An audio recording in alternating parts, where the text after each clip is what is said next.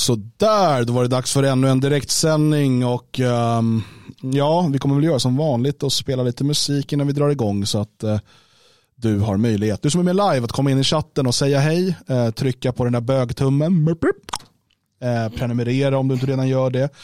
Är det så att du ramlar in här i efterhand, ja, du kan spola fram en fyra minuter om du inte vill höra musiken, men ja, den kan vara värd att lyssna på också. Vi ska idag prata en hel del om Tyskland, och vänsterterrorn där. Eh, och ehm, hmm, vi kan väl bara skicka en hälsning ifrån Tysklands eh, patrioter till eh, Lina Engel och hennes vänner.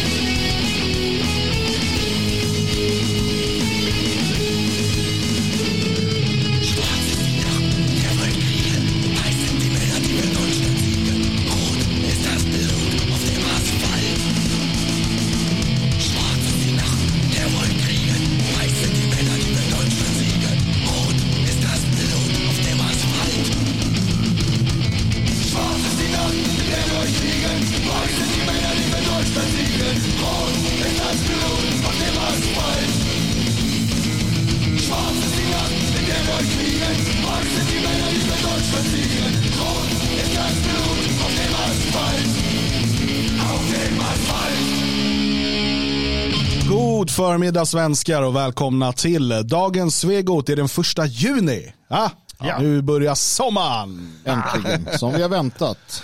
Eh, har vi? Ja, det har vi ändå gjort. Jag tycker ändå att de senaste veckorna har varit, eller senaste veckan åtminstone, varit jättebra. Nu vart det kallt eh, och, eh, eller kallt är fel ord, blåsigt och lite sådär eh, idag i alla fall. Kallt, jag, jag, jag blickar ner, du står ju här i shorts så, så jäkla kallt kan Jag det har ju kostymbyxor på mig såklart när jag sänder. Det är en högtidsstund det här. Vi ska erkänna, vi kör alla kalanka.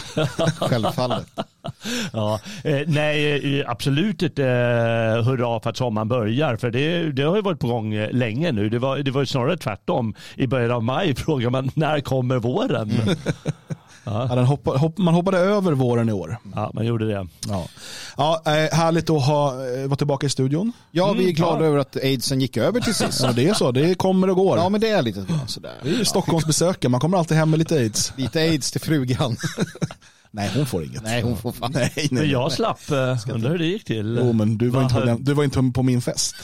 Jaha, den där festen. Det var den jag undvek. En bug catcher fest. Ja, Vilket är en riktig sak som bögar håller på med. det är det. The gift kallas att känner du till aids. bug catching? Nej. De eh, träffas, eh, bögar vill ha aids. Eller bögar som vill ha aids. De träffar, de som träffar andra som har aids och ligger med dem. Så har de stora sådana fester där de ger aids till varandra. Orgier. Ja, de hoppas. The Alltså gift, med det uttalade syftet att alla ska få aids. alltså Är, the gift. är det liksom något så här eh, som man jagade barnsjukdomar förr i tiden? Nej, man kan, du blir inte immun mot aids för att du har fått det. Nej. Utan det här är ju något som vissa bögar tycker är kul att ha. Och det, är det liksom, det visar som- att man är en riktig bög. Ses som en gåva. Det är ett ganska utbrett fenomen. alltså. det. jag jag känner trodde till att det här. 1920-talets Berlin var dekadent. Ja, nej, det var Far fina from. tider. Det var fina tider 1920 i Berlin. Det var. Ja. Förresten, på tal om bögarna. Eh, varför heter det bögtumme? Jag fattar inte. Va? Nej, det är bara något som har hängt kvar sedan Svenska fansforumet för 15 år sedan då det kallades för bögtumme. Mm. Så jag har bara haft kvar det i huvudet. Jag bara kallar det för bögtumme.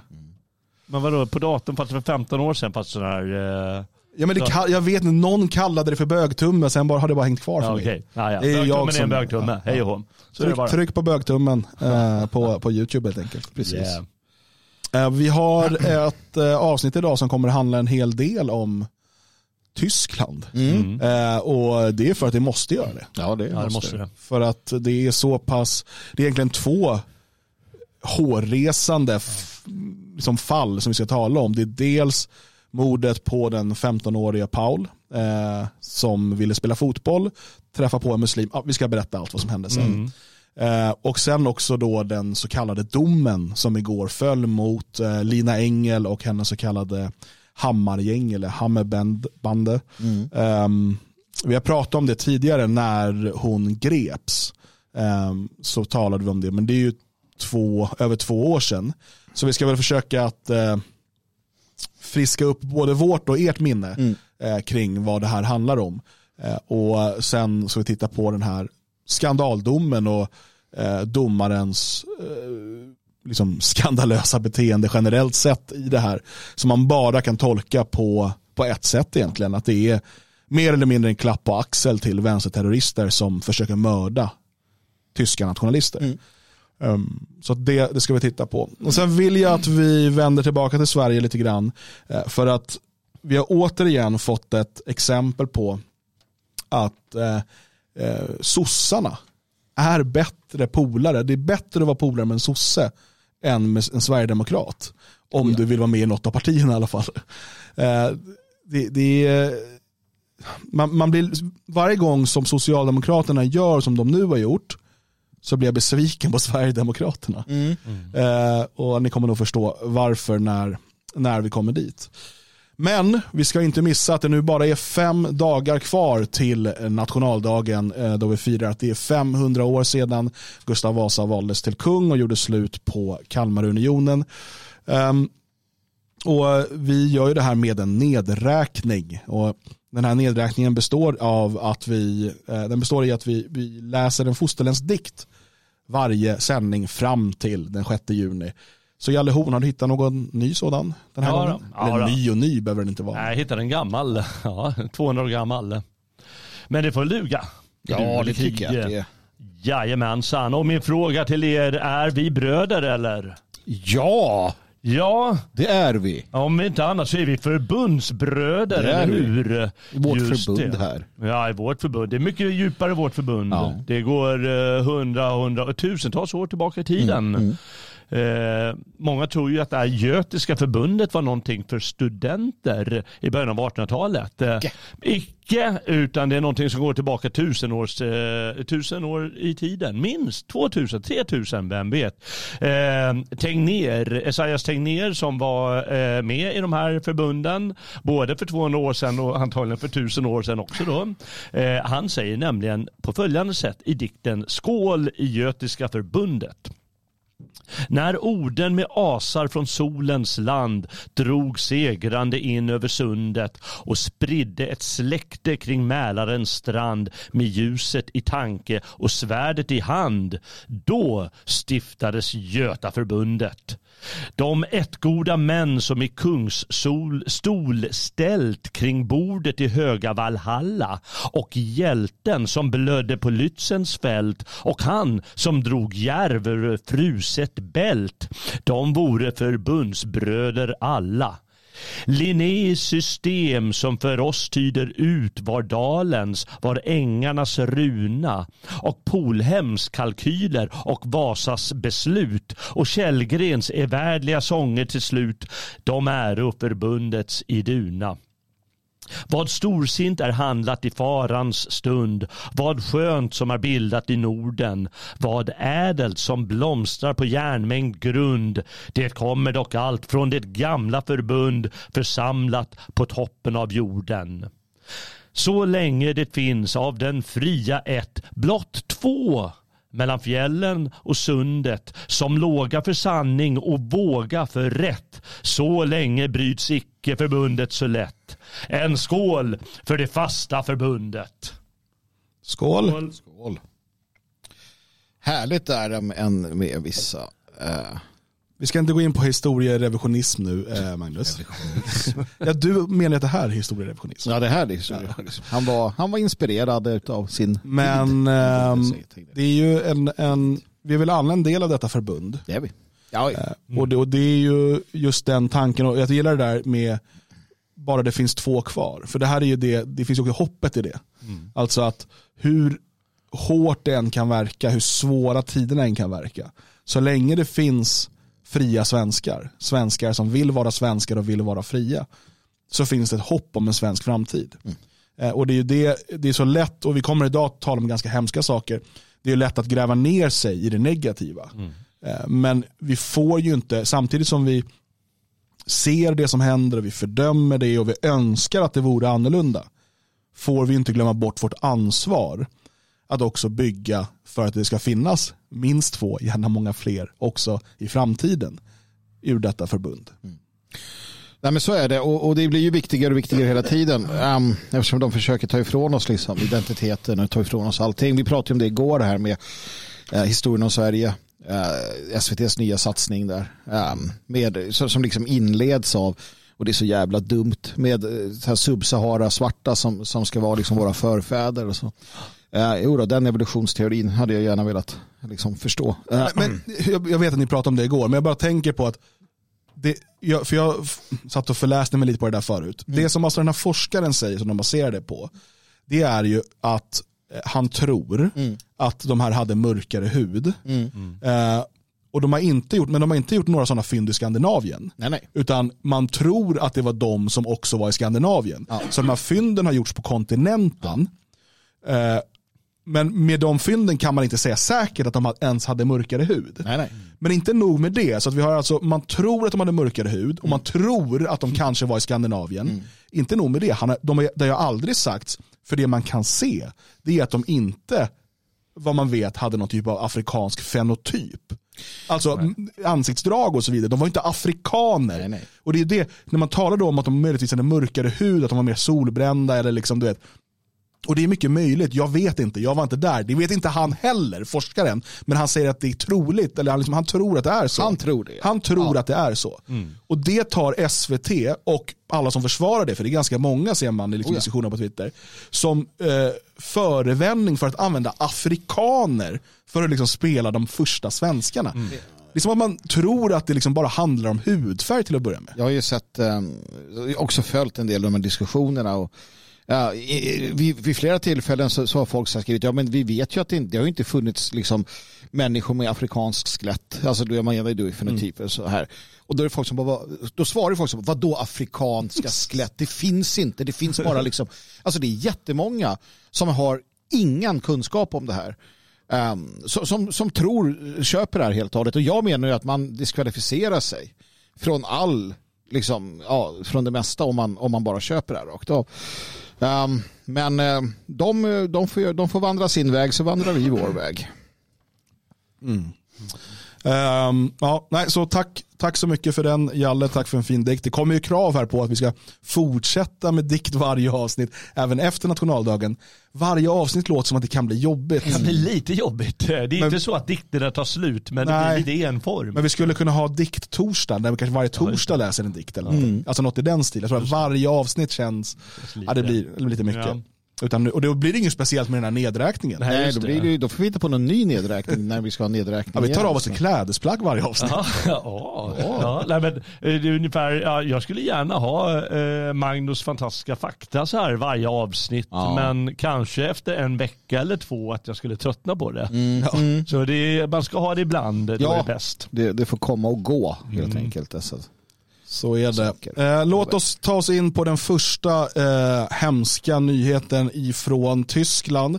Och det här har vi förmodligen inte nått svensk media, det kommer väl inte göra det. Ehm, eh, och det gör, rör då den 15-åriga eh, Berlinpojken Paul som eh, eh, var fotbollsspelare eh, bland annat. Och han var och spelade en fotbollsturnering i Frankfurt am Main. Um, han var en väldigt uh, talangfull fotbollsspelare så han var där på något sätt. Jag är inte riktigt säker på hur det funkar. Tyska fotbollssystemet är lite annorlunda men han verkar ha representerat Berlin på något sätt. Mm. Det var även en del liksom, andra internationella lag där. Uh, bland annat då ett lag från Frankrike. Mm. Och alla vet hur franska fotbollslag ser ut. Ja, de är ju, om vi tittade på landslaget här för någon tid sedan så var det ju i princip bara svarta och araber och eh, samtliga var muslimer tror jag.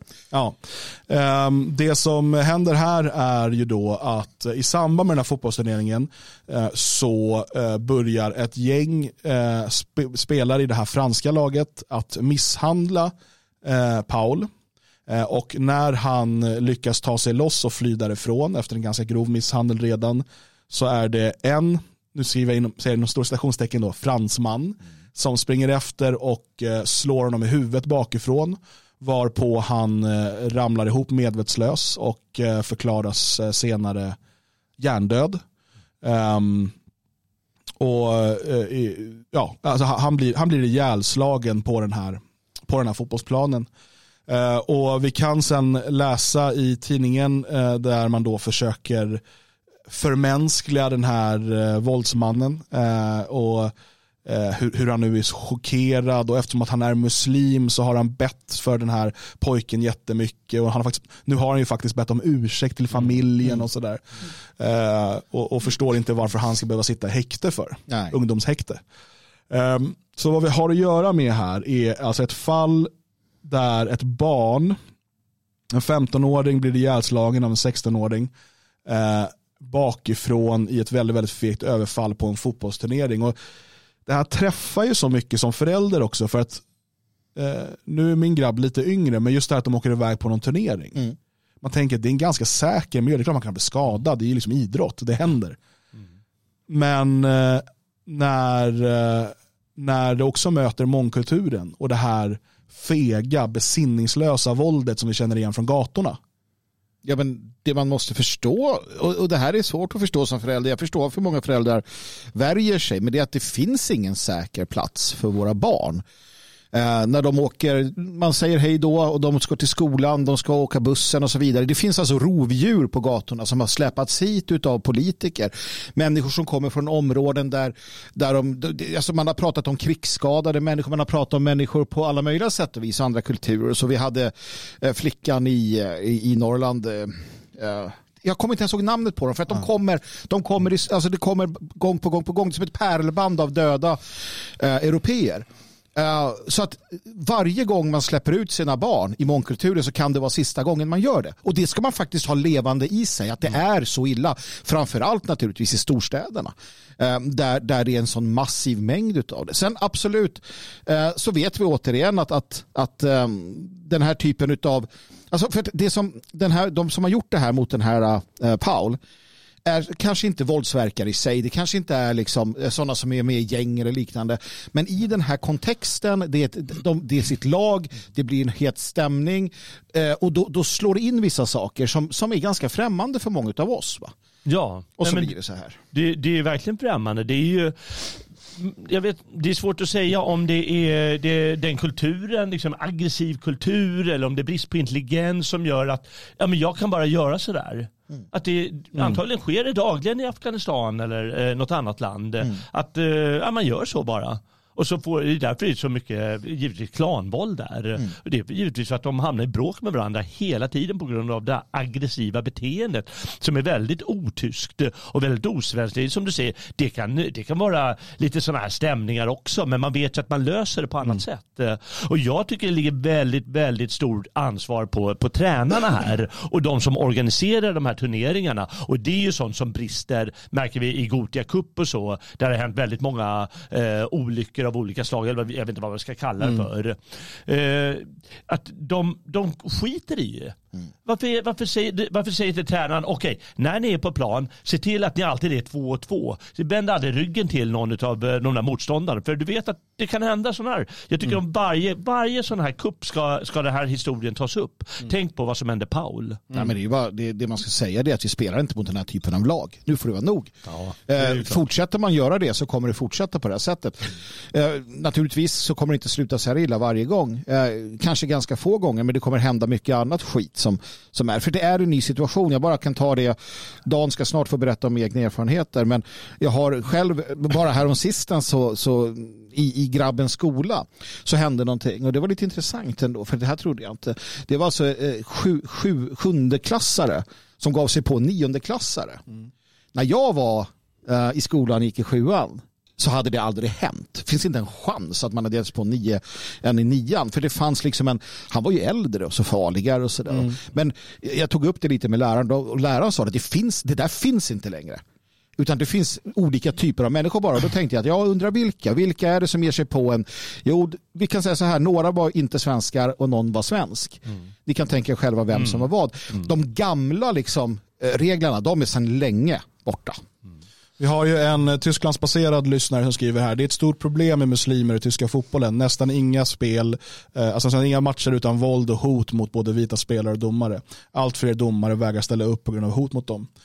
Och här vill jag komma in på mina personliga erfarenheter. Mm. Och nu pratar vi 1990-talet. Ja. Ja. um, när för det fanns en del renodlade invandrarlag. Det fanns dels eh, chilenska lag, Colo Colo hette ett, kommer jag ihåg. Sen fanns det många sådana här eh, syrianska, assyriska, sådana där varianter. Och sen hade du ju de, eh, du hade en del turkiska lag eh, och du hade en del ehm, blandade lag från, från vissa sådana invandrarområden. Då. Eh, vi kan säga att vårt lag var väl ganska blandat, det kanske var 20% invandrare eller någonting. Men det här var alltså invandrare, eller helt, liksom helt invandrarlag eller väldigt invandrardominerade lag. Och det var alltid problem att möta dem. Det var alltid hotfull, alltså i bästa fall hotfull stämning. I många andra fall överfall, eh, misshandel, domare som sparkas i huvudet. Sådana saker, alltså, vi pratar att vi var typ 12 år. Mm. Eh, och det skedde, och det skedde liksom med invandrartränarens goda minne. Han kunde stå och hetsa dem och skrika på ett språk vi inte förstod. Eh, men det lät inte som att han skällde ut dem utan att han också var arg på mm. domaren för någonting. Eh, föräldrar, invandrarföräldrar som stod och skrek på något språk vi inte förstod. Eh, och det skedde. Och jag, jag, minns mycket väl när vi skulle åka och möta ett sånt här lag. Eh, och tränaren säger till oss, håll tillbaka på tacklingarna. Mm. Vet, reta inte upp dem. Mm. Vi kan liksom, vet, så istället för att se till, vad fan ta bort de här ur serien. Ja. Så skulle vi svenskar då mm. inte gå in i tacklingarna så som man gör i en normal match. Utan vi skulle liksom låta dem vara. För att de, och, och det kom alltid de här ursäkterna. Jag, jag minns mycket väl eh, en gång eh, jag spelade i skollaget och vi mötte Jordbro. Det är också invandrarområde liksom. Eh, så minns jag hur en av deras spelare sprang in från bänken och hoppsparkade domaren i huvudet. Matchen fortsatte sen den här personen fick rött kort på bänken men han var, hände liksom inget mer än så. Och så minns jag att vi hade ett samtal sen efteråt i skolan och sådär. Och då kom det någon sån här uh, pedagog, jag vet inte, syokonsulent, jag vet inte vem det var, psykolog, någonting från skolan och förklarade för oss att vi måste förstå att det här är människor som har varit med om mycket tragiska saker. Oh. Såklart. Och så här, men vänta, vi blir liksom misshandlade, domaren blir misshandlad och det är liksom, eh, du vet, man fick ofta höra att du vet, efter matchen så sätta kniven i dig. Mm. Du vet, det var mycket mm. sådana där hot. Ja. Um, och, men vi skulle bara acceptera det. Mm. Svenskarna skulle hålla käften och acceptera, håll tillbaka på tacklingarna. Och det här var på 1990-talet, då hade vi vad, 5% invandrare i Sverige. Mm. Nu pratar vi 25%. Ja situationen. För du vet, det går inte att låta sina barn spela fotboll i storstadsområdena nu. Liksom. Nej, nej. De, om jag bara får säga, de som sa det här, att ni ska acceptera det, de borde med tvång släpas hem till Paus föräldrar och säga det i ögonen på dem, till mm. dem. Mm. Men det är därför de aldrig kommer, människor, människor som investerat så mycket i mångkulturen kommer aldrig erkänna att det är ett problem. För att om de gjorde det så skulle de troligtvis knäckas rent psykiskt ja. och, och, ta livet av sig. Men, men, det jag kan tänka mig i det här fallet det är väl att eh, jag håller inte för orimligt att han som slog ihjäl Paul, han har betett sig våldsamt tidigare i fotbollssammanhang ja, och han har behandlats med silkesvantar. Mm. Eh, och, och liksom, det har inte satts ner foten ordentligt. Och sen för jag tror man kan sätta ner foten och så vidare, men man måste också förstå att vi är helt olika. Mm. Eh, jag är övertygad om att om man tittar i de här människornas riktiga hemländer, hur fotbollen fungerar där, mm. så är det betydligt vanligare med den här typen av våld. Ja, men det, det, det, det brukar ju kunna se så i alla fall. Och, uh, nej, men det, det jag tänker på är ju Härom sistens så tittade jag på någon match, eller om vi tittade på någon match tillsammans, jag minns inte så var det någon som smällde ett knallskott på läktaren. Det här var ju allsvenskan då. Då avbröt man matchen och sen hände det igen. Mm. Och då, så sa de, händer det här en gång till, då stänger vi ner allting. Mm. Och nu är Reinfeldt, han är ute och är arg och alla är arga. Eh, på allsvenskan för att det händer på läktarna. Men i svensk, den här typen av fotboll, de slår, de misshandlar, de hotar och det här sker varje helg när ungar åker iväg och spelar fotboll. Så händer det här. Där bryr man sig inte. Det, det, blir inte ut, alltså, det blir inte att man stänger av hela lag, det blir inte att man säger någonting, utan det här är ju anarkotyranniet i fotbollen. Man ger sig på eh, stora klubban eller lagen, eh, man, man liksom ger sig på de elaka huliganerna i, i, i läktarna eller människor som gillar fotboll. Men på den här nivån, ja, men hoppsparka en kille i huvudet, gör det, skitsamma. För man vill inte, don't make Nej. the black kids angry som Nej. man säger i USA. Det här är ett ohyggligt problem och det, det, visar sig i alla områden på samhället och det är givetvis som jag, som jag sa, men tränaren måste säga till, säga till och sen när tränaren inte klarar det eller som din tränare där, ja men tackla inte så jäkla hårt, då måste ju problemet re, eh, gå upp en nivå och för varje nivå den går upp desto värre blir det faktiskt för de kommer ju strunta, nej nej nej men det där måste vi, det måste vi se mellan fingrarna med och så blir det besvärligare och besvärligare. Det är egentligen på, på den lägsta nivån, då är man ju så här mest rättvis. Och, och då, då, skulle man ju direkt säga att de får absolut inte spela. Men de här lite högre upp i organisationen, de låter det ske.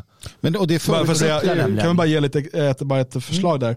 Uh, för du sa Don't make the black kids angry. Det är också en bok av Colin Flaherty. Mm. Uh, han har också gjort den här, uh, skrivit den här White Girls Bleed a lot.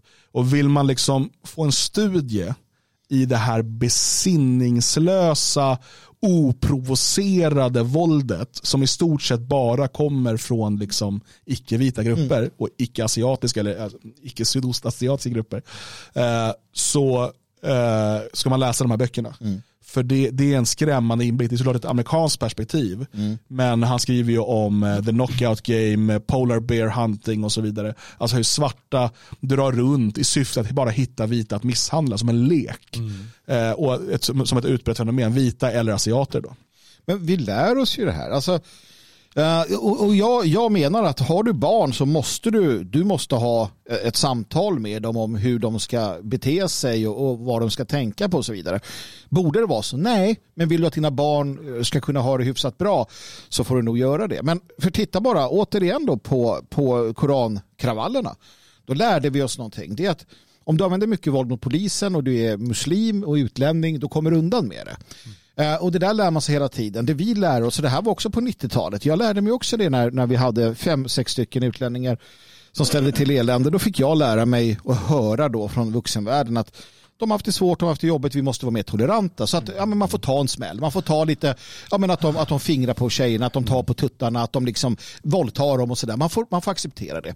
Och det är ju någonting som har gått, gått vidare. Så sanningen är ju den att de politiker och de massmediala skökor och skit vi har, de säger just det att ni, ni måste acceptera att de dödar några av er. Mm. Vi måste acceptera att de våldtar några av våra döttrar. Kanske din dotter, just du där.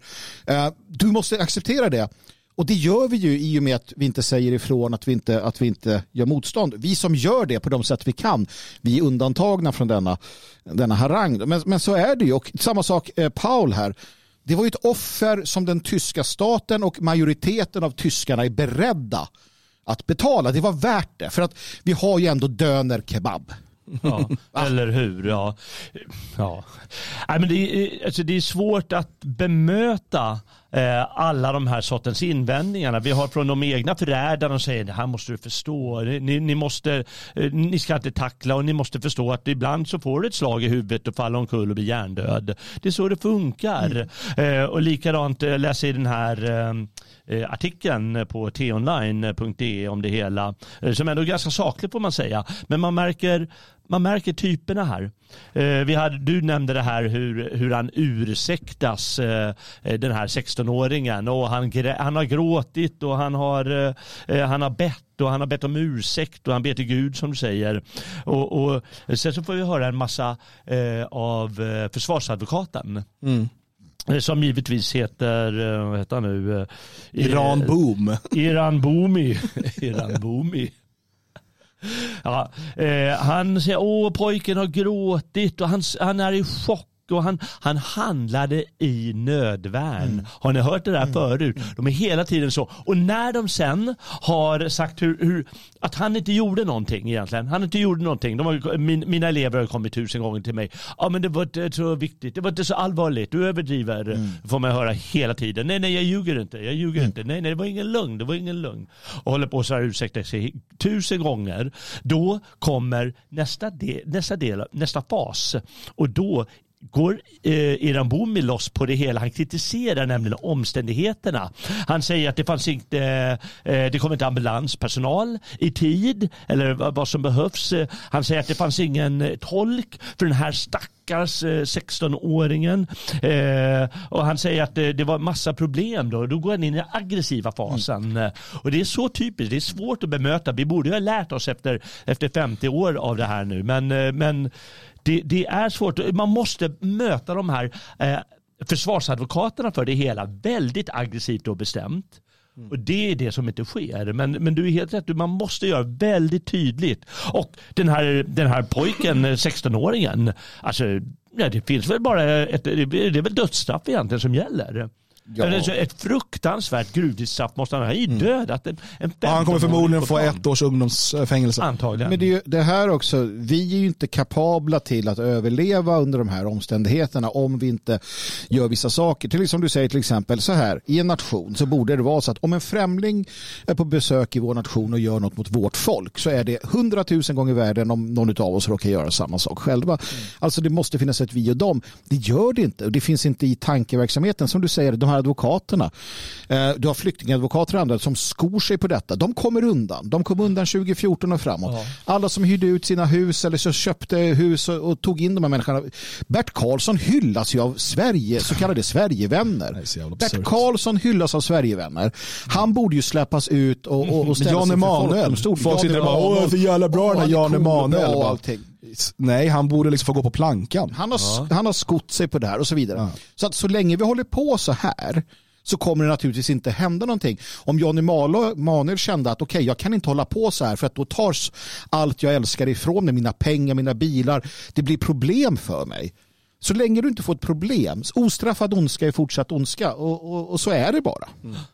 Ja. Det gäller att bemöta alla. Det var någon som skrivit i chatten att de hade nämnt det här på text-tv. Mm. Och, ja, de ska att det var en fransman och, och det, var, det var ett, ett slagsmål. Ja. Slagsmål var det. Kan ni fatta? Det var ett mord på öppen plan. Mm. Ett inför mord. publik. Liksom, ja, inför publik och alltihop. Och hej. Ja. Ja, jag såg där att eh, Iran Boomi, advokaten där för, eh, för, för mördaren då, sa ju också, var också väldigt sur över att det inte snabbt fanns tolkar på plats Ja, när polisen kom. Men vad.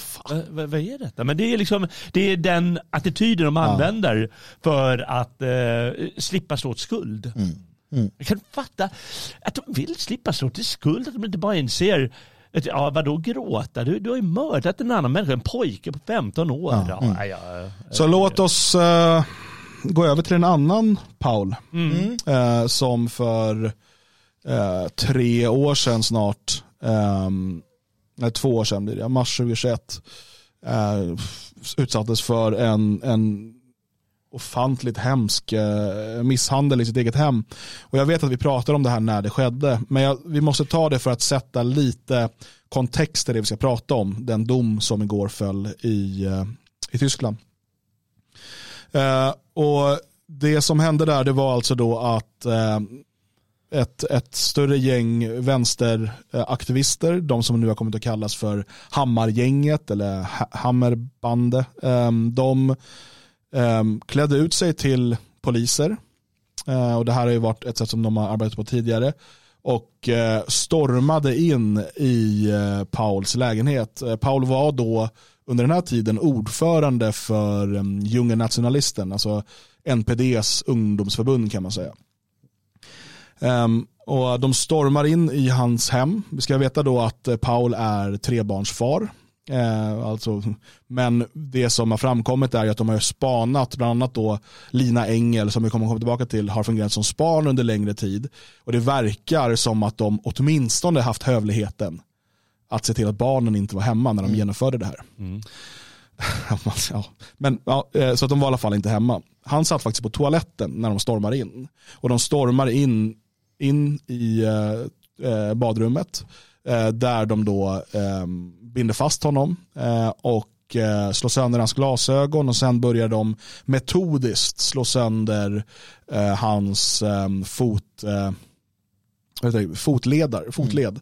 Ehm, och även då slår mot huvudet med hammare eller liknande verktyg. Därav namnet. Då. Under den här tiden kan man säga att, att Paul just då utbildade sig till um, körskolelärare. Um, men idag, två år senare, kan han fortfarande inte köra bil för att uh, fötterna är så förstörda så han kan inte koppla och sådär.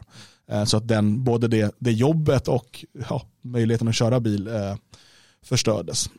Han lämnades i en pöl av blod när de slutligen hällde aceton över honom och tömde ur stora eh, mängder, om det var pepparspray eller ren peppar eh, med det här acetonet. Um, ehm, så han ligger blodig, sönderslagen med svidande vätskor um, och uh, lämnas där för att plågas och kanske dö. Um, men eh, får till slut då hjälp. Så han, han överlever men, men han har fortfarande men efter det här och eh, eh, skadorna han ådrog mot huvudet gjorde att han under en lång tid Eh, alltså, har haft dåligt närminne, allt sånt där som kan komma av den här typen av trauma mot, mot huvudet.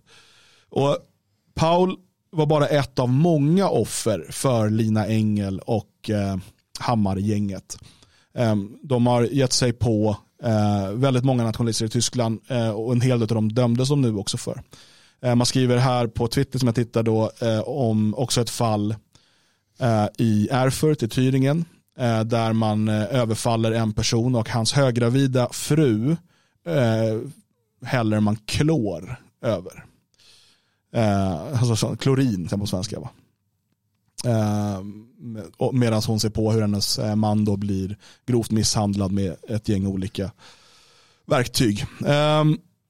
Och varför tar vi upp det här? Jo, igår föll då domen mot Lina Engel och ehm, en del av hennes eh, medhjälpare. För att eh, det som har kommit fram eh, och det man har kunnat då under förundersökningen få fram är ju att Lina Engel har varit ledande i det här gänget och hon har fungerat dels som span, som span då, som tjej har hon lättare kunnat röra sig i miljöer. Det finns bilder på henne med peruk och sådär, det är lite, lite spionfilm över det hela. Så hon har fungerat som span och även då gett klartecken när det är dags att attackera. Mm. Eh, hon ska även vid en del av misshandelsfallen ha deltagit själv på plats.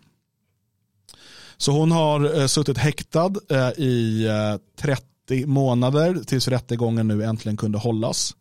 Och hela den här eh, rättegången har ju, och, hela tiden fram till det, ehm, omgärdats av ett stort stöd för Lina Engel. Allt ifrån i Sverige, AFA, vi har sett Mattias Våg och andra gått ut och uttalat sitt stöd för henne. Eh, han som kallas för frilansjournalisten, nu vet i ETC. Mm. Eh, andra sådana vänsterprofiler, eh, antifa-profiler i Sverige har gjort liknande uttal. Man har hållit demonstrationer i Stockholm, i Göteborg och Malmö till, för solidaritet med Lina Engel.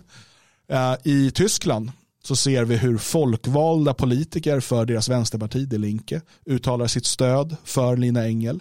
Um, så att det har funnits det här stödet. Dessutom har det funnits, i, i, Tyskland har det skett en del demonstrationer, upplopp och liknande. Och inför den här rättegången och inför att domen skulle falla så hade man mobiliserat eh, vänstern i Leipzig, i Dresden, i Berlin, säkert i andra städer också. Eh, och man hade lovat kravaller, man hade lovat död, blod, terror. Och man, man förklarade att vi kommer förstöra era städer, vi kommer förstöra för minst en miljon euro för varje år hon döms till. Eh, och vi kommer inte, eh, det fanns en formulering i stil med, jag minns inte exakt nu, men det är stil med, vi kommer inte ha någon respekt för borgarsvinens liv. Mm. Vad det, det, det låter för mig som liksom hot om, om mord helt enkelt och, mm. och bara börja mörda folk man tycker ser borgerliga ut kanske.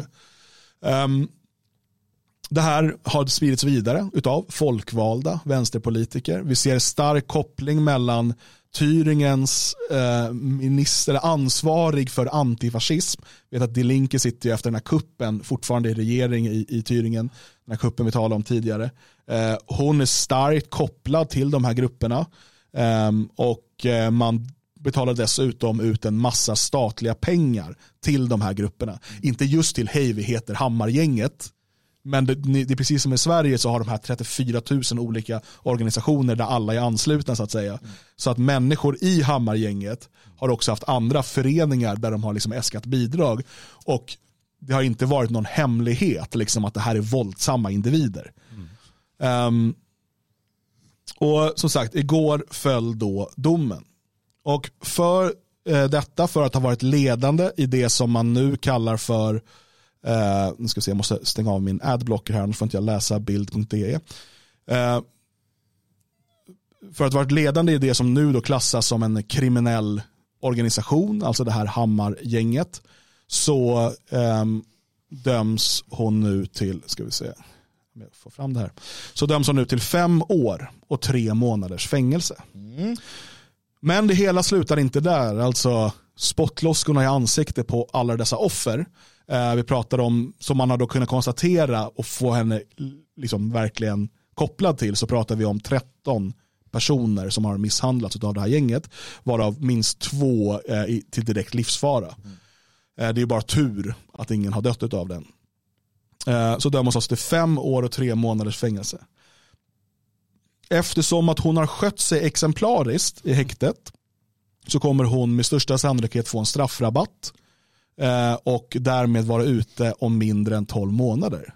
Mm. Ute säger jag. Mm. Mm. Det är dessutom så att de redan nu är ute. Mm. För att domaren valde igår att sätta Lina Engel på fri fot i Tyskland. Mm. Hon måste rapportera in till sin lokala polisstation två gånger i veckan. Eh, och om hon vill flytta, alltså byta folkbokföringsadress, så måste hon göra det i någon typ av samråd med, oh. med domstolen. Mm.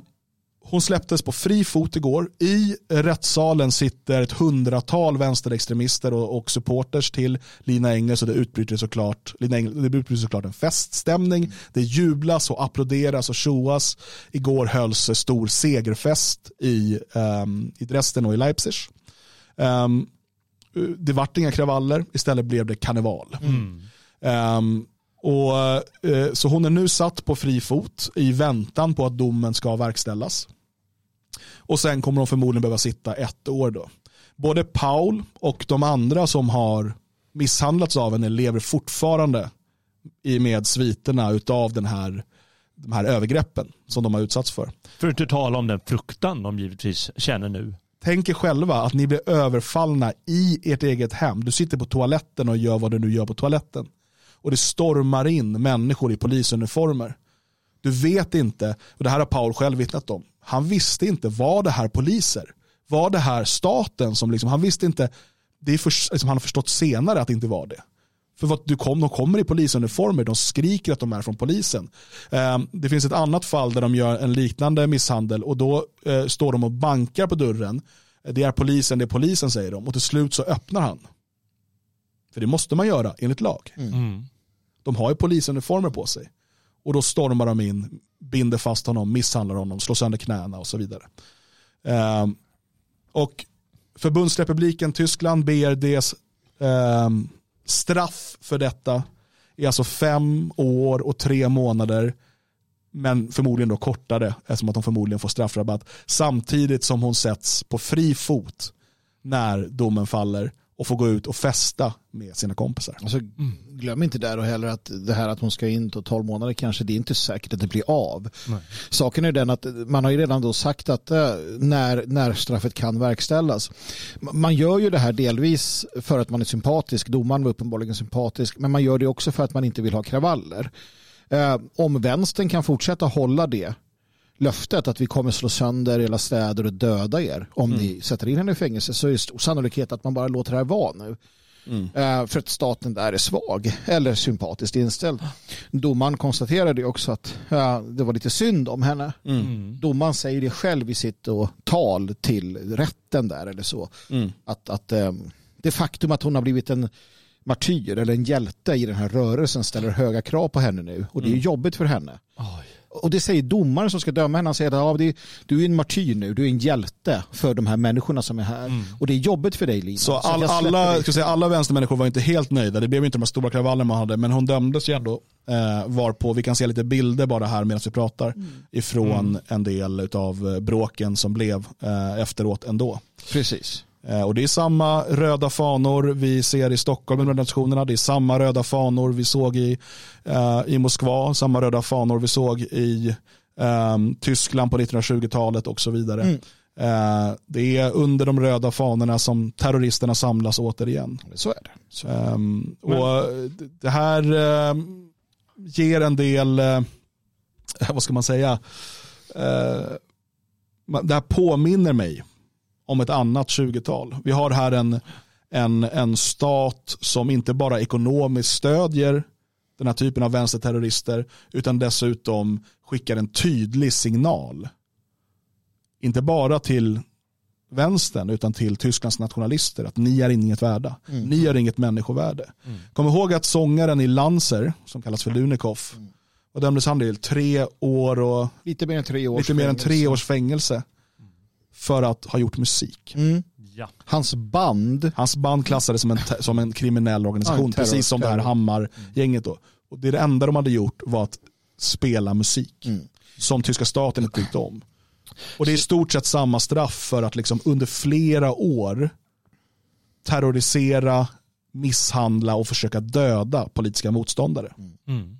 Eh, Alltså det är, man man är ju helt mållös. Eh, Du säger, de har klätt ut sig till poliser, man måste öppna dörren om de eh, knackar på. Jag menar, den här ligan med henne som ledare, de har alltså missbrukat statens auktoritet och våldsmonopol och eh, på något sätt lagmonopol, eller vad man ska kalla det för, nämligen att man måste följa vissa lagar i när man möter en polis och det har de fullständigt missbrukat. Vad den här domaren gör det är att ta den tyska lagen och, och, och riva sönder den, kasta den på elden. Det är vad han uppenbarligen gör. Och ser ni de här poliserna? Eh, kom, eh, kommer ni ihåg de här eh, corona eh, demonstrationerna i Tyskland och sedan de här eh, små måndagspromenaderna som det kallas för. Alltså det var människor som promenerade, några hundra personer, jag var med eh, på flera av dem. Det var ju hundratals poliser. Det var ju 30, 40, 50 piketbilar. Fattar ni? För att hålla koll på några människor som promenerar eh, i någon form av, eh, jag vet inte vad jag ska kalla för, solidaritet, men en, bara en liten, liten minimanifestation att vi är emot lockdowns och tycker att ni är galna. Och här, det var en handfull poliser, det var inte särskilt många man såg. Det är vad staten visar fram. Jo. Är det här en stat i förfall eller är det här en stat som står på deras sida? Både och. Jag, jag skulle säga att jag, jag tycker jag ser väldigt, du pratar om 20-talet, jag ser väldigt tydliga kopplingar. Um, för att säga lite om framtiden så följer det, om det följer, uh, följer på samma sätt så det vi kommer få se, det som hände i Tyskland var bland annat, vänstern gjorde ju några revolutionsförsök och sådär. Um, sen så Eh, i, om det var Bayern eller liknande, då, ja, då mördade de flera anhängare av Thule-sällskapet. En, en, ett så här hemligt sällskap, esoterisk orden, egentligen inte särskilt konfrontativa själva. Det var människor som satt och läste böcker och som man sköt några av dem. Och där någonstans börjar det hända ganska mycket. Vi får frikåren och så vidare, så nationalister och andra organiserar sig och slår tillbaka. Um, och, och det som kommer hända i Tyskland det är väl kanske då att några en eller flera nationalister de facto blir mördade. Och det blir en, en, en, en signal. Eller så är signalen redan ute. Precis, men problemet är att du har också staten emot dig. Du kan jämföra det med Grekland. Precis. När våra två grekiska vänner mördades av, av AFA ITER mm. när de stod utanför en, ett evenemang som Gyllene gryning hade i Aten. De sköts ihjäl på öppen gata. Det enda som har kommit av det det är att Gyllene gryning har blivit förbjudna. För det som händer efter det är att eh, inom den grekiska nationella rörelsen så blir det såklart eh, en väldigt upprörd stämning och ett ganska aggressivt språk så att säga. Eh, och, och, folk kräver hämnd, folk kräver och så vidare. Det den grekiska staten gör då är att förbjuda Gyllene gryning och fängsla alla deras mm. företrädare.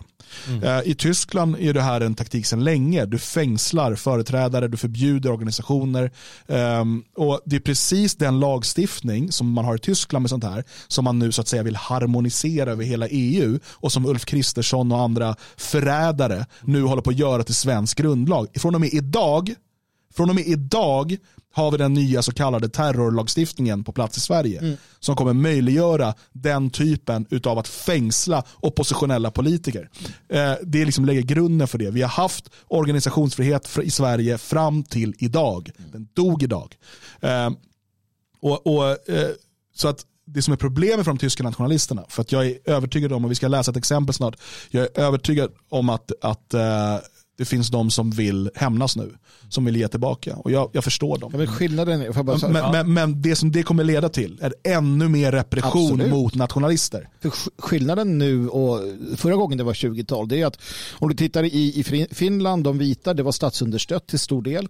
I Tyskland så fanns det ändå konservativ, starka konservativa grupper på, på 19, 1900-talet alltså som stod emot. Du hade frikårer och liknande som inte var så att säga, nationalsocialister.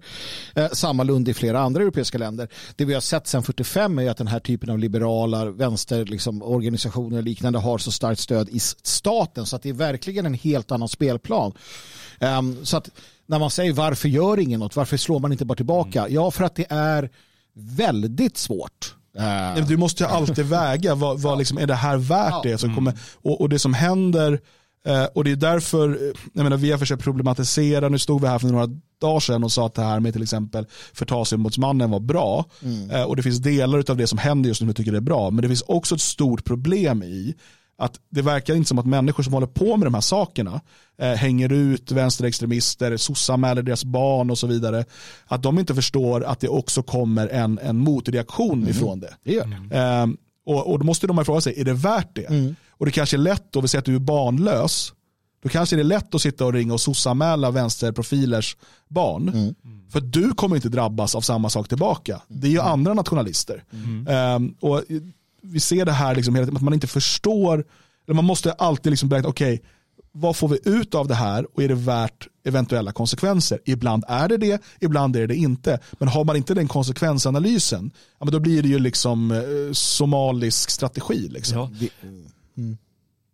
Konsekvensanalysen, en del av den är ju om man kan få folk med sig. Ja. Om, om, om folk är med sig. Och vi har ju, eh, den här nämns i eh, svensk media och då står det i en av punkterna väldigt kort här, det är väl eh, SVT tror jag.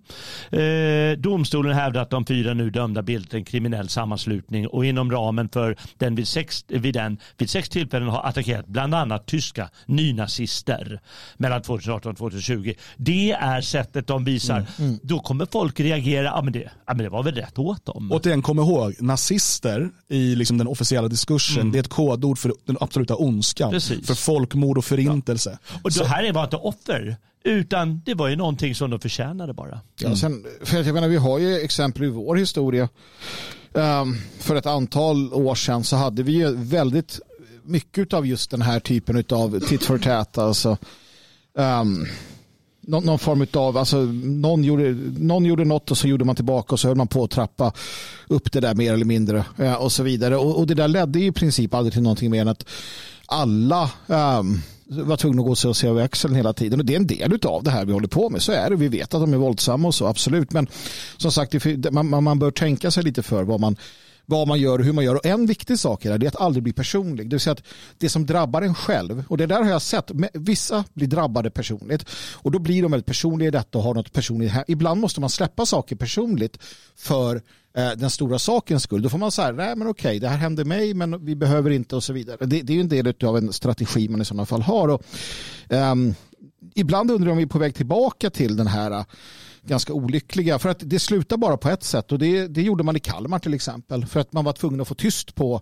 eller få stopp på, på AFA eh, där. Och det gjorde man. Det enda, eller i alla fall den gången som kanske är mest känd, då man helt enkelt bara stängde ner en av deras eh, grupper. Och det går ju naturligtvis. Eh, man... Men det är också så här, om du ska attackera, och nu menar jag inte bara fysiskt, alltså om du ska gå på attack på något sätt, eh, då måste du göra det från en position av styrka inte från en svag position.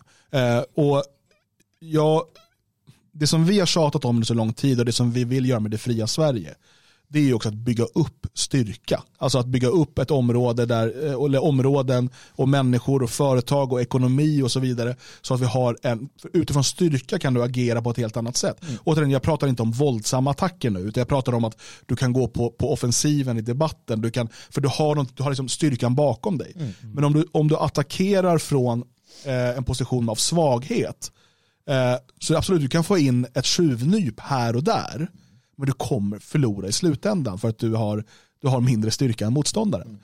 Så att du måste först bygga upp styrkan. Du måste först träna 15 år innan du kan bli proffsboxare. Ja men absolut. Och, eh, kommer en fråga då, men hur kan rörelsen då, denna 20 och 30-tal agera? Jo precis så. Ja, istället för att bo i Leipzig eller in i Dresden eller i Stockholm eller i Malmö så bor du i eh, Gröthult. Och där bor du tillsammans med 50 nationalister. Då kan jag garantera att om du bor i Gröthult med 50 nationalister med familjer så kommer inte de här människorna, Lina E och vad de nu heter, komma dit. De kommer inte komma dit. Inte heller invandrargängen. De kommer inte komma till Gröthult. För Gröthult är 50 nationalister med familjer. Mm. Det är inte svårare än så. Men så länge vi är öar utspridda, tunt över hela linjen och sitter i vår ensamhet eller med en eller två som vi känner så är vi eh, alla presumtiva offer. Så att välj själv. Ja, och då är, då har du, en, då är du, har du en, en svag position och ja. från den kan du aldrig vinna. Ja, då får du gömma dig. Ja. Alltså det är ju det. Du får gömma dig, du får anpassa dig, du får passa in och du får knyta näven i, i fickan. Så antingen så gör man det eller så gör man det inte och det är vägen framåt för oppositionen idag. Slut sig samman på landsbygden eller i, på platser du kan kontrollera och bygga eh, man kan säga så här att i nationella kretsar i Tyskland så kommer inte det här som någon överraskning. Eh, utan man vet hur det ligger till. Men det finns fortfarande, precis som vi i Sverige har det vi brukar kalla för Sverigevänner, alltså kanske nyvakna Sverigedemokrater som fortfarande har någon typ av naiv tro på att vet, politikerna kommer lösa det här. Mm. Eller du vet, bara de får fakta på bordet. Så, ja. du vet. Det finns en liknande rörelse i Tyskland också, mycket kring AFD och sådär. Um, Kanalen Stormzeichen, eh, Stormtecken, eh, skriver så här, eh, en telegramkanal, och det sammanfattar ganska väl hur, liksom, ehm, hur det låter just nu i, i nationella kretsar i Tyskland. Och det har gjort en snabb översättning här. Med domarna i Hammargängrättegången sände Oberlandsgericht resten på onsdagen en tydlig signal. Det är dock ingen signal till den våldsamma vänsterextremismen utan en signal till oss nationalister. Signalen lyder Vänsterterrorister kan överfalla er, slå er halvt ihjäl och sätta eld på era byggnader. De får för detta ministraff. Knappast någon hamnar i häkte och till och med befälhavare eller ledare kommer ut efter en kort tid. Även om en av de drabbade skulle ha dött till följd av ett överfall skulle domar, domarna bara då gälla vållande till annans död och förmodligen inte varit märkbart högre. För oss, för oss är de här domarna en signal. Vänsterterrorister kommer att se dem som en inbjudan och en sporre. Även de som hade en liten rest av förväntningar på att regimen skulle slå ned på vänsterterrorismen kommer att ha förlorat dem för gott med dagens domar. Särskilt med frisläppandet av vänsteraffischnamnet Lina Engel. Nu uppstår frågan om vad som överhuvudtaget skulle kunna avskräcka vänsterterroristerna från deras brott och överfall mot våra människor. Svaret är i princip mycket enkelt. Så fort en Antifa-attack för angriparna slutar i ett fiasko och med fiasko menas här inte det kortvariga gripandet av polisen utan ett riktigt fiasko kommer det att göra ett mycket mer märkbart och varaktigt intryck på terroristerna än ministraffen från en BRD-domstol. Den tyska nationalismen kommer att behöva bevisa om den är kapabel att sätta stopp för angreppen mot våra kamrater en gång för alla. Mm. Och, och, precis, det är ju sånt här som vi har sett då, om vi går tillbaka till 20-talet, vi pratar om det.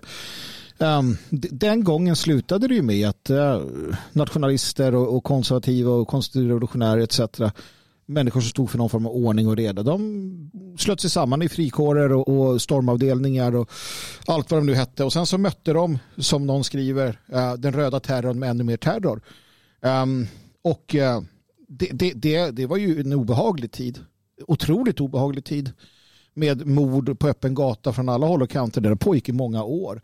Mm. Eh, med, en, med, en, med, en, kraftlös polis eller snarare med en polis som var, hade sina, ja, Isidor Weiss och gänget hade ju sina idéer om vad som var rätt och fel, slog åt alla håll och kanter. Vi har sett liknande i, under blyåren i, i Italien. Italien till exempel också. Då. Så att, um, mm.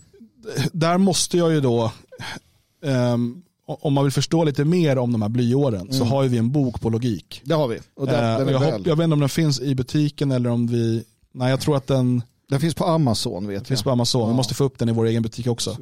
Um, We are the third position heter mm. den. Um, av bland annat då Roberto Fiore. Uh, den finns på Amazon, vi får ta in den i vårt lager här också för den bör läsas för att förstå ja, det som hände då eh, på 70 80-talet i Italien, mm. eh, det, det, slutade väldigt, väldigt illa. Eh, den gången inte med en nationalistisk seger, ehm, utan med nationalister döda, fängslade eller landsflykt. Precis. Ehm, men, men det är en väldigt eh, liksom, intressant historia. Man kan också, för den som eh, inte har läst den än om man vill förstå vad som händer om de här människorna får eh, makten eh, i ett land. Eh, och, och, I vissa länder är de närmare än vad folk vill tro. Så ska man läsa De antimänskliga. Mm. Den förklarar vad som händer när du låter kommunister komma till makten och hur människor då behandlas. Mm. Och Vi har sett tidigare i Tyskland till exempel, där gjorde ju staten sig, eh, där gjorde man sig kvitt Röda arméfraktionen med flera på ett ganska intressant sätt. Eh, antagligen mördade man dem till sist. Eh, och, det är också det att staten kan få nog, eh, som de fick med revolutionära fronten för ett antal år sedan och så. Men staten är ju staten är inte våra vänner. Det är det. De har ju sin agenda. Mm. De här vänsterkriminella terroristerna de har ju sin agenda. Staten har sin agenda. Ofta så sammanfaller de agendorna. När de inte gör det så kommer staten slå till stenhårt. Det, det, det, men det betyder ju inte att att vi, som den här nya lagstiftningen, det betyder ju inte att vi som frihetsälskande nationalister så att säga hamnar på samma sida som staten. Och det är det här många inte förstår. Staten är inte en, en, en liksom oberoende aktör som är lite ja, över Jag har ju sett påstådda nationalister som jublar över terrorlagstiftningen mm. för att nu kommer kurderna liksom straffas av det. Ja. Men det är så man inte fattar eh, liksom att, att de här lagarna kommer användas mot mm. oss. Om, det om de tycker att det behövs. Ja, för tänk dig själv i Tyskland då, där det är ettervärlden. Nu vet jag inte hur domstolsväsendet ser ut, men låt oss säga att man skulle ha samma som vi har i Sverige med eh, partitillsatta nämndemän. Mm. Tänk att ha Die Linke. Du, du står och åtalad och ja, men du är nationalist så sitter mm. den från Die Linke du åker ju dit direkt. Alltså man måste ju förstå det. De här är ju politiserade, det är aktivister. Och du har alltså i Thüringen en minister mm. som har upp till uppgift att hålla kontakt med AFA mm. och samordna aktioner mm. mellan alltså, den lokala regeringen och antifascistisk aktion. Och jag minns då, hur, hur, jag minns då för många år sedan när en nationalist hamnade, i, eh, hamnade hos polisen i Dalarna och polismannen där Eh, hade, alltså det, det kom fram där att polisen hade alltså kontakter med Antifa i området och gav dem uppgifter på grund av att man höll ihop och höll, höll med varandra. Mm. Mm. Det var 10-20 år sedan kanske, collusion som de hade sagt på uh -huh. Nordirland. Det är ju sanningen. Du har ju, du har ju poliser i Sverige idag som uttalade miljöpartistextremister och så vidare. Du har, ah, du har andra poliser som är uttalat antisvenska. Eh, du har vänsterextremister. Tror ni att de kommer upprätthålla någon form av så här jämvikt? Att så nej, nu ska vi, eller kommer de stå på sin sida? Om inte vi står på vår egen sida, det är ingen annan som gör det. Mm. Mm. Ja, låt oss äh, lämna Tyskland och äh, gå till Sverige för att äh, vi pratade här i måndags måste det varit va? om Jamal El-Hash mm. som ju deltog på den här Palestinakonferensen i Malmö trots partiets avrådan och så vidare mm. eftersom att föreläsaren eller ledaren för det här kopplas till terrorstämplade Hamas. Just det. Återigen, idag börjar då den här lagen gälla. Terrorlagstiftningen. Ja. Um, och eh, det har ju då varit eh, ganska stort tryck ifrån högerdebattörer på att man vill höra om liksom, Socialdemokraterna måste uttala sig om det här. Magdalena Andersson måste uttala sig. Hon var tyst som musen under lång tid. Eh, tills hon under eh, en presskonferens nu på den så kallade Järvaveckan som pågår just nu. Just det. Eh, där då alla partiledarna, Nej. utom Jimmy Åkesson, jag tror inte han är där i år. Nej. Han har varit där något år va? Ja, han har varit där något år. Äh, åker dit och liksom lovar, lovar guld och gröna skogar till alla invandrare. Ja. Mm. Äh, Johan Persson var där och pratade om vikten av det här Sverigekursen. Just för då ska invandrare ska få lära sig att man får älska vem man vill och det kommer vara bra för integrationen. Mm. Han tror att det är en kurs de behöver. Jävla dum i huvudet. Ja, eh, han är liberal så vad ska man förvänta ja, sig? Nej, ehm, och eh, då var det en presskonferens och då fick eh, Magdalena Andersson frågor om denna El Hash. Eh, och det här har då spelats in av Riks och vi ska lyssna på eh, vad hon säger eh, om detta. På onsdagen så höll Socialdemokraterna en pressträff med Magdalena Andersson i Rinkeby. Under pressträffen så fick Magdalena Andersson frågor om riksdagsledamoten Jamal El-Haj som besökt en ifrågasatt konferens i Malmö under helgen. Ja, men vi gav ju en avrådan från att delta på konferensen och han valde ändå att göra det så att det är klart att eh, det också får konsekvenser. Han får en time-out och det har ju redan kommit kritik från olika håll på grund av det. Hur kommer det sig att, eh, att det blev det? Ja, vi tyckte att det var en väl avvägd åtgärd eh, just vad gäller det här specifika fallet. Och här tycker jag det är viktigt att understryka Jamal har ju vid många, många tillfällen varit väldigt tydlig i sitt avståndstagande till Hamas. Är det därför som det inte går längre än så, så att säga? Jag kan konstatera att det låter annorlunda när man lyssnar eh, i den diskussion och debatt som just nu eh, förs. Eh, och här har Jamal alltid varit väldigt, väldigt tydligt i sitt avståndstagande. Det är naturligtvis viktigt. Hur kommer det sig att det inte blev fråga om ett uteslutningsärende? Han har inte gjort någonting som ligger till grund för uteslutning i vårt parti. Påverkar det här Socialdemokraterna, anser du, på något sätt? Ja, men det är naturligtvis viktigt att om partiet kommer med rekommendationer är det viktigt att alla personer följer de rekommendationerna. Det fanns ju tveksamheter eh, och en del frågetecken kring den här konferensen. Men däremot finns det inga frågetecken kring eh, Jamals ställningstagande vad gäller eh, Hamas. Du litar på honom? Ja, alltså, jag menar, det som han har skrivit och drivit i riksdagen talar för sig självt. Påverkar det partiet på något sätt? Det bedömer jag, eh, det bedömer jag inte. Mm. Nej, men det är härligt ändå att hon står upp för sina eh, medlemmar och sådär. Tänk om Jimmie Åkesson någon gång hade sagt att nej men nu har ju han tagit avstånd från nazismen några gånger och eh, allt han har gjort har ju visat att han inte är sån så att nu går vi vidare. Ja. Nej, det här är så tydligt. Socialdemokraterna, det är bra kompisar. Sverigedemokraterna, det har vi konstaterat tidigare, det är världens sämsta kompisar. Mm. Precis. där kan du ha bara beställt fel bok så blir du utesluten. Ja. Eh, och jag vet att du kommer säga, ja men media kommer vara mycket hårdare mot dem. Ja men fan stå upp för dina partikamrater då. Stå upp, alltså vad är det här? Gång på gång på gång ser vi hur Sverigedemokraterna liksom kastar sina vänner framför bussen. Eh, för att liksom blidka eh, massmedia. Och Vi ser också gång på gång på gång hur eh, vänstern och socialdemokraterna när de har den typen av skandaler står upp för sina vänner. Samma sak Vänsterpartiet. Efter hela den här eh, NATO-fadäsen där alla skulle vara emot PKK så var det flera riksdagsledamöter från Vänsterpartiet som tog bilder när de stod och höll upp PKK-flaggor. Det kom inte något fördömanden och uteslutande från Vänsterpartiet. Man gjorde sig otillgängliga och sa, men vadå? Och sen eh, till slut blev de tvungna att svara på ting, så bara, men ja, vi har fullt förtroende för dem. Och vad skulle vara jämförbart med det här? Men vi pratade Gyllene gryning tidigare som nu är olagliga i, i Grekland. Säg att eh, företrädare kopplade då till Gyllene gryning ehm, skulle ha en konferens, en, en, en, en eh, medelhavskonferens i eh, Skarpnäck. Just det. Ja. Eh, och så skulle då en sverigedemokratisk eh, riksdagsledamot med grekiska rötter delta där. Eh, och eh, media skulle säga, men han är ju kopplad till Gyllene gryning som är olaglig, de är ju nazister i Grekland.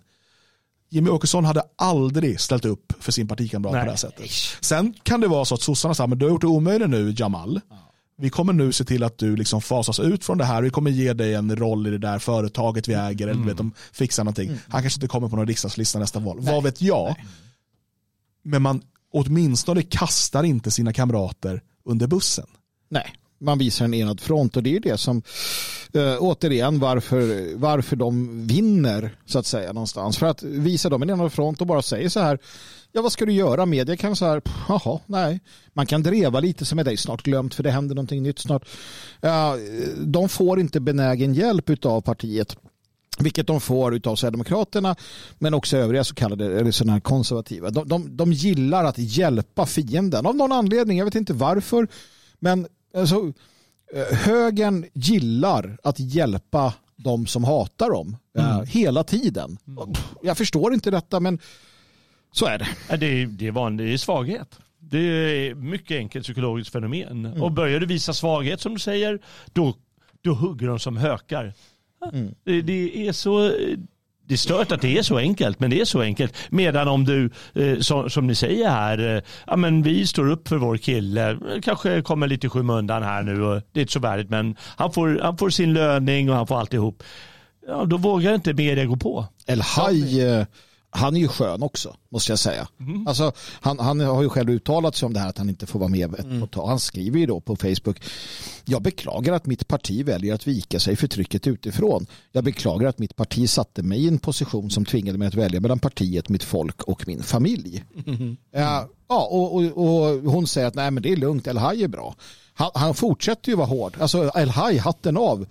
Eh, ja, jag vet inte. Man, man blir imponerad. Han skiter ju i vilket. Sitt folk och sin familj, det är det han bryr sig om. Ja, och det var det vi pratade om i måndags. Det är inte konstigt att han gör det här valet. Hans lojalitet ligger inte hos svenskarna och hans lojalitet ligger inte hos partiet. Hans lojalitet ligger hos hans folk. Och vi är helt okej med det. och det vore väldigt bra om han och hans familj eh, visar den här lojaliteten genom att flytta till Palestina. Ja. Och så kan han bedriva sitt politiska arbete där istället. Men han vet ju att det, och det finns ju från palestinska frihetsrörelser eller terrororganisationer, hur man nu vill kalla det, eh, uttalade mål att infiltrera europeisk politik, se till att liksom få ja, arbeta på det sättet för, för att inte tala om lobbyism och liknande. Så att han är ju en del av detta.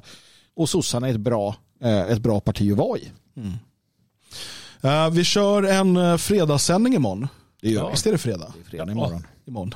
Jag har liksom eh, du vet, sovit så här brottstycken i tre dagar nu så jag är lite så förvirrad över dagar och sånt. Men eh, imorgon är det fredag, då kör vi fredagssändning och det brukar ju betyda lite gladare toner.